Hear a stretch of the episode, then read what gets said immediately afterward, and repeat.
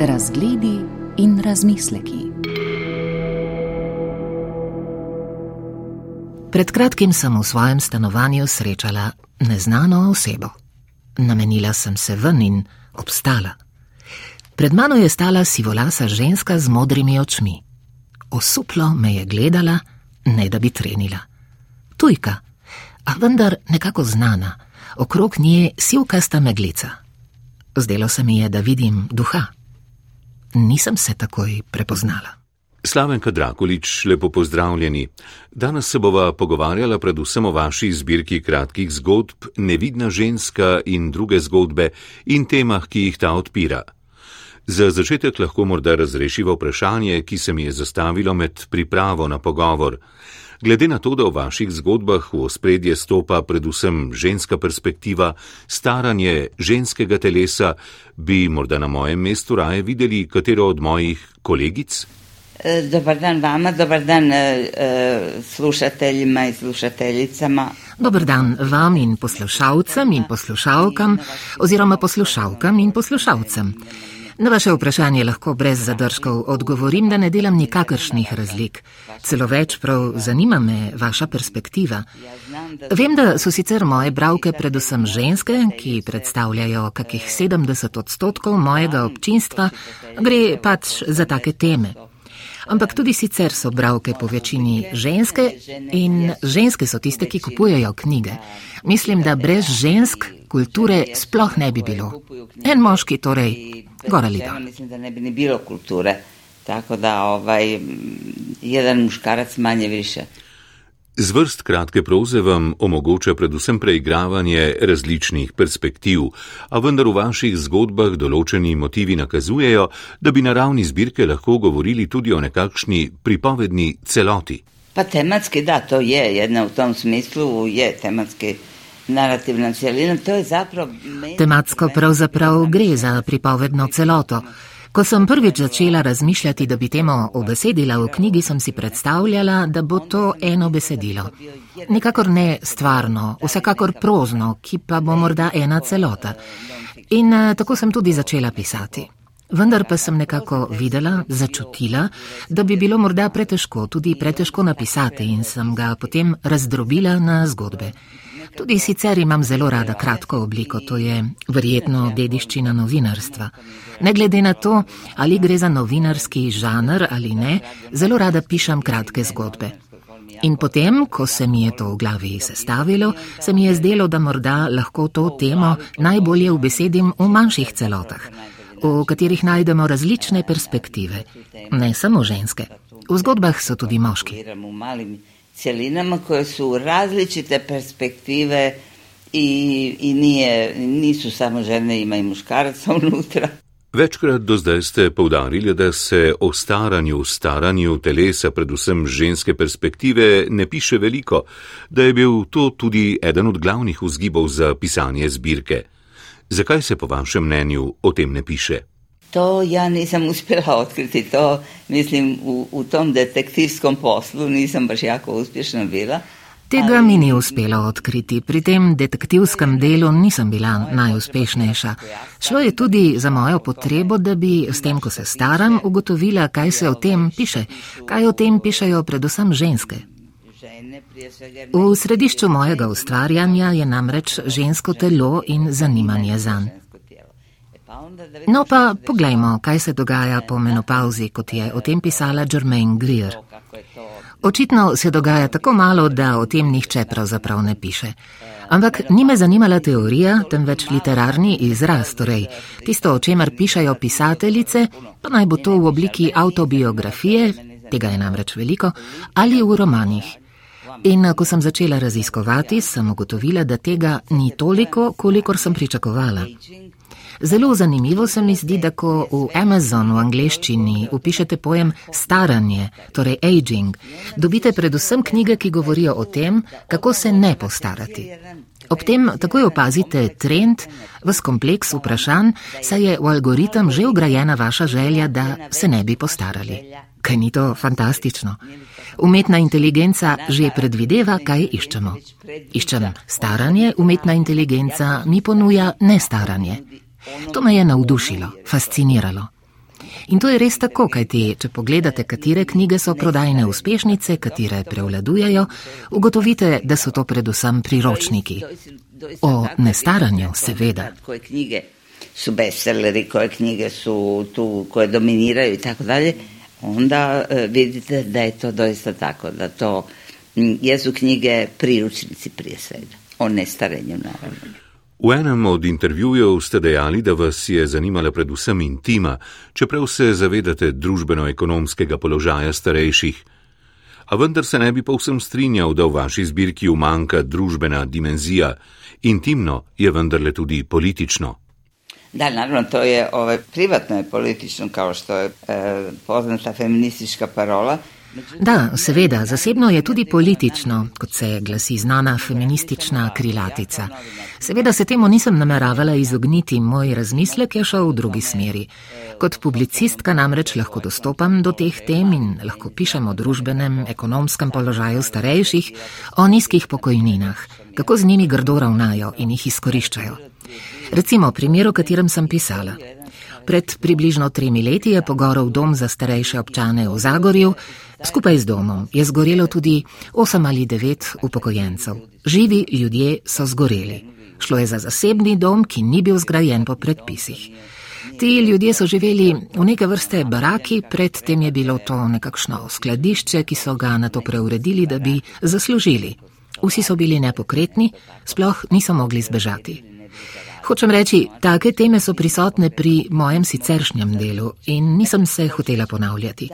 Zanimala me je pravzaprav tema, ki me pri pisanju vedno zanima, torej telo, žensko telo in pa predvsem občutek, ne toliko starosti, starost je stanje, temveč staranja, kako se ljudje zavejo staranja.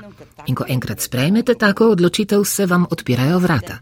Naprimer, Stojite v vrsti v lekarni, poslušate, kako neka gospa lekarnarici pripoveduje podrobnosti o sebi. In ne gre za to, da bi lekarnarica, ki jo očitno pozna, izvedela te podrobnosti, temveč se gospa želi z nekom pogovarjati. Gre za željo biti z nekom v stiku, ki jo zelo pogosto lahko opazimo tudi v prodajalnah in drugih okoljih. Tako nenadoma začneš prisluškovati ljudem in zgodbam okoli sebe, ki so seveda povsod vidi i u dućanima, mislim, i tako u nekim tim situacijama, pošta, banka, mislim, da odjedan put počneš osluškivati te ljude i, i, i priče oko sebe, jer oni su svugdje, naravno. Zdaj se že lotevava naslova zbirke in vprašanja nevidnosti. Ali je torej sramotno biti star? Da, ja sam valjda negdje nekako rekla da je to sramotno. Nekod sam menda nekje rekla da je to sramotno. Ja, v odaji nedeljom v dva. Jel? I kad sam to rekla, možda nisam bila dovoljno precizna u tome. A, tako. No, ko sem to rekla, morda nisem bila dovolj natančna, saj ne gre za to, da bi bilo sramotno. Govorim predvsem o videzu. Zakaj bi bili videti stari, zapuščeni? Zakaj bi bili videti stari, zapuščeni? Zakaj bi bili videti, še posebej moški, neurejeno? Zakaj bi imeli sive lase in podobno, če imamo drugačno izbiro? Ne gre torej za to, da lepotna industrija pritiska, še posebej na ženske, naj bodo mlajše, temveč naj bodo tako vsaj videti. Pri sedemdesetih ne moreš biti star petdeset, lahko pa si tako vsaj videti. Lahko si videti kot Jane Fonda, ki je v osemdesetih videti, kot da je v petdesetih. In v tem je ideja potrošništva. Na voljo imamo namreč celo vrsto vseh mogočih reči, da bi to dosegli. Morda torej ni sramotno, je pa nespodobno. V zahodni kulturi, kamor spada tudi naša, v kateri sta lepota in denar vrednoti, je vides izrednega pomena. Če si to seveda lahko privoščite. Gre torej za nespodobnost. In eh, to gre tako daleč, da so v Ameriki ustanovili nekakšno skupino feministk, ki se borijo za pravico imeti sive lase. Zakaj namreč ne bi imeli sivih las? Ljudje vas bodo čudno gledali. Ko hodite po cesti, boste videli veliko več sivih moških kot pa žensk. Rekla bi torej, da je to v naši kulturi nespodobno, med navednicami seveda. Pa tudi ne toliko v naši kulturi, morda v urbanem okolju. Na vas je to povsem drugače, tam morda vladajo tudi drugačne vrednote. Na vasi so namreč ženske, čeprav so stare, še vedno koristne, še vedno delajo, skrbijo za gospodinstvo, so, kot bi se danes reklo, več opravilne. I inače jesu, mislim, korisne, one, još uvijek iako su stare i rade i kuću paze i održavaju kućanstvo i pomažu i mislim rade, što bi se danas reklo, multitaskaju. Gre pri tem za paradoks. Družba namreč starejše, ko ne proizvajajo več, potiska na obrobje, hkrati pa so še vedno dragocena skupina potrošnikov. Pa ni to v kontradikciji, ni to Ne gre za nasprotje, ni paradoksalno. Potrošništvo potrebuje vse, tako dojenčke, ki ne vedo, da so potrošniki, kot starejše, ki, če si to lahko privoščijo, kupujejo vitamine in podobne paramedicinske izdelke, da bi ostali v boljši kondiciji. Po mojem mnenju vse to prihaja iz Amerike, celotna ta zgodba, kot tudi dojemanje starosti in starejših ljudi kot neproduktivnih, nepomembnih, tistih, ki se jih odriva na rob njihov denar pa je dober. Ta zgodba iz zahodne ameriške perspektive počasi prihaja tudi k nam. Njihove vrednote so namreč prevladujoče in eh, sprejemamo jih skupaj z ekonomskim in ne nazadnje tudi političnim sistemom. Kot pravim, v tem ne vidim paradoksa. Seveda pa je treba upoštevati družbeno-ekonomski kontekst. Pri nas je to težko, ljudje imajo namreč majhne, negotove pokojnine in še celo vrsto težav, zaradi katerih ne morejo postati potrošniki.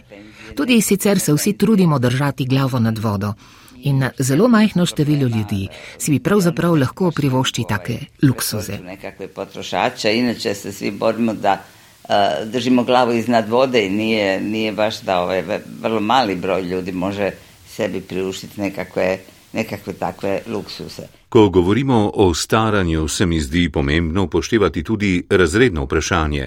Ne staramo se namreč vsi enako, še posebej pa ne ženske iz nižjega in višjega razreda. Pa i inače ne starimo, mislim, svi jednako i to u prvom mahu, da, sasvim sigurno ovisi o imovnom stanju. Tudi sicer se ne staramo vsi enako. Zagotovo je to odvisno od premoženskega položaja, a hkrati je odvisno predvsem od zdravja. Zdi pa se, da je tudi zdravje danes luksus. Ni ga namreč tako lahko ohranjati oziroma priti do njega. Ni pa to povezano samo s premoženskim stanjem. To je normalno, tudi mlajši ljudje živijo bolje, če imajo denar. Na tem mestu se torej ne odpira posebno vprašanje. Na ekonomski ravni pa je skrb vzbujajoče, da so ženske v Evropi nasploh manj plačane, povprečno za 17 odstotkov manj. Mislim, da je v Sloveniji ta razlika najmanjša v Evropi. To potem pomeni, da imajo ženske tudi nižje pokojnine, posledično pa nastajajo finančne razlike med moškimi in ženskami. Pomembno je upozoriti, ko že govoriva o ekonomskih in socialnih vidikih staranja, da pri nas ni dovolj državnih domov za upokojence. Zasebnih je zelo veliko. Že jutri lahko pridete v zasebni dom, potrkate, vprašate, ali imate prostor in bodo rekli: imamo. In to vas bo stalo recimo 2000 evrov. Če pa želite priti v državni dom, boste čakali od 5 do 10 let, vas bo potem to stalo morda tretjino omenjenega zneska. Tu prihaja do strašnega nesorazmerja. Zato se dogajajo tragedije, kot je tista, ki sem jo že omenila. Mene pa pri vsem tem veliko bolj zanima psihološki občutek krivde, ko starši pristanejo v domu. Jaz sem se počutila strašno krivo, ko je moja mama odšla v dom. A ker živim na več krajih, druge možnosti ni bilo. Pa tudi že od mojega 16. leta nisva živeli skupaj. Sama se je odločila, da bo pri 80-ih odšla v dom, ki si ga je sama izbrala v bližini rojstnega kraja in bila je povsem zadovoljna. Ampak to ni povezano z mojim občutkom. Jaz nisem bila zadovoljna, saj sem ne glede na to, da okoliščine tega ne omogočajo, mislila, da bi bilo za njo bolje, če bi živela z mano. Ni rečeno, bila je zadovoljna. To pa spet izhaja iz tradicije, po kateri je bilo še pred dvema, tremi generacijami ponekod je še danes tako, še posebej na vasi, sramotno starše poslati v dom, da za nje skrbi država. Nihče ni imun na take razmisleke in dileme. V nekim mjestima i danas je tako sramotno e, dati roditelje u dom da se država za njih brine, jel? Na selu pogotovo. Tako da, e, rekla bih, niko nije imun na takve nekakva razmišljenja i dileme. To je eno pomembnejših vprašanj v zbirki, namreč kako se otroci spoprijemajo s staranjem staršev. A vaši liki so precej večplastni, ne idealizirate jih, veliko krat so nepotrpežljivi. Ne vem, kako bi to pravzaprav opisal, seveda gre po eni strani za ljubezen. Ne mora biti naravno ljubavi, ne mora biti naravno, da, ne mora. Ni nujno, da gre za ljubezen. To je veliko krat samoumevno, veliko je primerov, ko ni to tako. Pred nekaj leti je bil sprejet tudi zakon o zaščiti starejših ljudi v gospodinstvu, saj so njihovi lastni otroci grdo delali z njimi. Obstajajo primeri, ko otroci komaj čakajo, da starši umrejo, da bi kaj podedovali. Obstaja veliko tabujev, o katerih se ne piše, saj ljudje o tem ne želijo govoriti. Nočejo govoriti o tem, da njihov lasten otrok komaj čaka, da bodo starši umrli. Tega ne boste pogosto slišali. Stvarno nije, ovaj, nećete često čuti. Enega močnejših prizorov v tem kontekstu najdemo v eni od zgodb, ko hči ne zmore pogledati materinega golega telesa, dojke, kjer je bila operirana zaradi raka. Jer vidi samo sebe, jel, v toj, v toj vidi sliku sebe za 20 godin ali 30 godin. Jel, to je, Ker v tem vidi sebe, podobo sebe čez 20 ali 30 let. Gre za skoraj fizičen odpor, ki ga v tem trenutku občuti do materinega telesa. In to je, se strinjam, eden od prizorov, ki vzbuja srh. So pa v zbirki opisani tudi drugačni odnosi. Ne bi rekla, da obstaja nekakšna šablona. Kompleksnemu vprašanju staranja sem se poskušala približati z najrazličnejših smeri, saj me zanima artikulacija. Zdi se mi, da sem na vprašanje, zakaj ženske o tem manj pišajo, delno odgovorila v eseju, ki sem ga napisala že pred nekaj leti. In sicer gre za to, da ženske ne pišajo o staranju, temveč o bolezni. Zelo pogosto opisujejo koga bližnjega, bodi si soproga, očeta, mater, bodi si koga drugega, pri čemer še posebej prevladujejo opisi demence, Alzheimerjeve bolezni. Recimo Ani Erno, ki je dobila Nobelovo nagrado v delu Je ne suis pas sorti de Manui, pri nas še ni prevedeno, zelo podrobno in mučno opisuje konec svoje matere, ki je pristala v domu zaradi Alzheimerjeve bolezni. To je ena zelo redkih knjig, ki jih boste našli. Zopet ne gre za njo, temveč za bolezen njene matere. Potem recimo Stil Alice, Lise Janove, ki je bila v Ameriki velika uspešnica, posnet je bil tudi film. Opisovanje je torej posredno. Ampak zakaj ravno Alzheimerjeva bolezen, zakaj demenca? Ker izguba spomina označuje tudi izgubo identitete, to pa je nekaj, kar se dogaja v starosti. To je torej povezano, Susan Sontag bi rekla, bolezen kot metafora. In v tem smislu bi imela prav, saj sta Alzheimerjeva bolezen in demenca metafori starosti in izgubljanja identitete, kar je pri vsem skupaj najstrašnejše. Nedavno je Budimir Lončar starejši, še jugoslovanski diplomat, skupaj s Tvrtkom Jakovino, zgodovinarjem, napisal autobiografijo. Človek ima 97 let. Ta njegov spomin, to, česar se spominja, kakšnih podrobnosti, to je osupljivo. Nekdo ima lahko tak spomin do konca, a večina ljudi že pri 50-ih pozablja ključe od avta, se sprašuje, kje so odložili denarnico in tako naprej. Meni se zdi, da gre za naravni del staranja. Pravzaprav pa ne vemo, v določenih skrajnostih gre za resnično izgubo identitete. To je tisto najstrašnejše, čemu smo priča pri bližnjih. O tem je posnetih tudi veliko filmov. V nekim dramatičnim vidovima to je istinski gubitak identiteta i to je, e, to je ono što se najgore i čemu, čemu svjedočite kod dragih osoba. Jel? Do tome je jako puno filmova snimljeno. Pogovora z vami ne gre skleniti brez vprašanja o pravicah in položaju žensk. Rekli ste, da vas zanima žensko telo. Kako gledate na to, da danes to telo še vedno ni samo žensko, da so v sponu različna reakcionistična gibanja? Vidimo, kaj se dogaja na Polskem. V Združenih državah je bila razveljavljena sodba Roe proti Wadeu. Je položaj pri nas zaradi jugoslovanskih feminističnih gibanj morda kaj drugačen? O, koliko pitanja, težka pitanja, pretežka za mene. Ovaj, O, koliko vprašanj, težka vprašanja, pretežka za me. Mi smo odrasli, vsaj moja generacija, z mislijo, da bo vedno samo bolje, da gremo lahko samo korak naprej. Zdaj pa vidimo, da je še kako mogoče narediti tudi korak nazaj, kar se prav zdaj dogaja. Vsaj v državah, ki so bile nekoč socialistične del bloka ali ne. Socializem kot politični sistem in tudi kot ideologija je ženske emancipiral. Ženske so bile tudi zakonsko emancipirane in zakonsko so bile v veliko boljšem položaju, kot so danes. V številnih državah si ne drznejo, na polskem pa so si drznili spremeniti zakon o splavu. Na hrvaškem še ne, čeprav sta vpliv in pritisk cerkve velika. Ni nam treba v Ameriko, čeprav od tam prihajajo ti trendi, tam pa je konzervatizem v usponu. Rekla bi, da je tudi pri nas tako.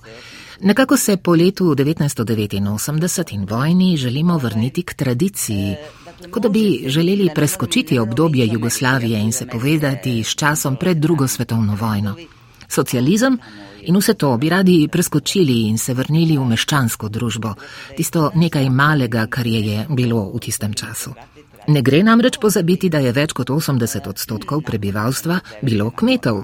Šele potem, z industrializacijo in izgradnjo države, so se preselili v mesta in postali delavski razred. Opirati se na meščanstvo je nesmiselno, se je komaj da obstajalo. Na Hrvaškem je pritisk cerkve velik, ampak, kot sem rekla, zakona še niso spremenili. Splav se bolj bojkotira.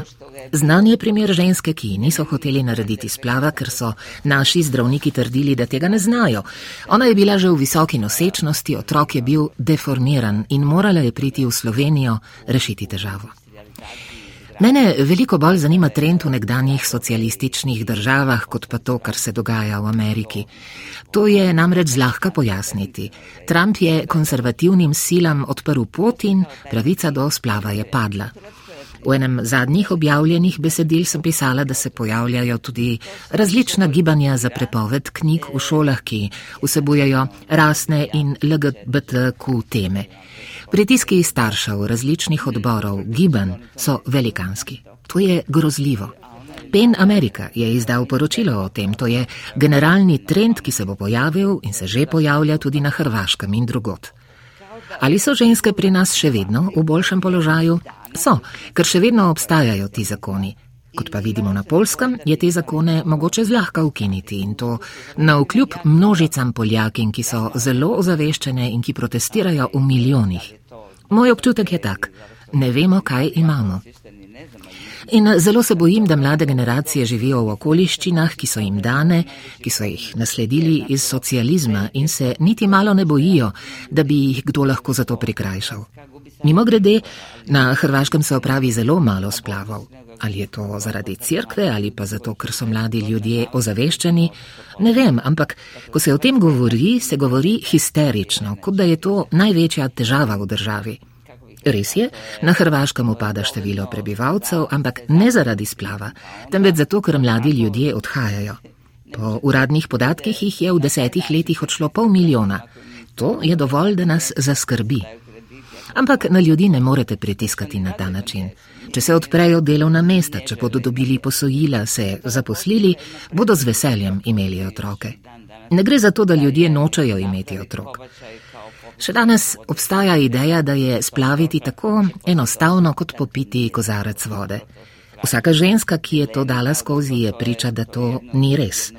Kot prvo gre za grozno dilemo, kot drugo gre za fizično izkušnjo, ki je v vsakem pogledu boleča in neprijetna.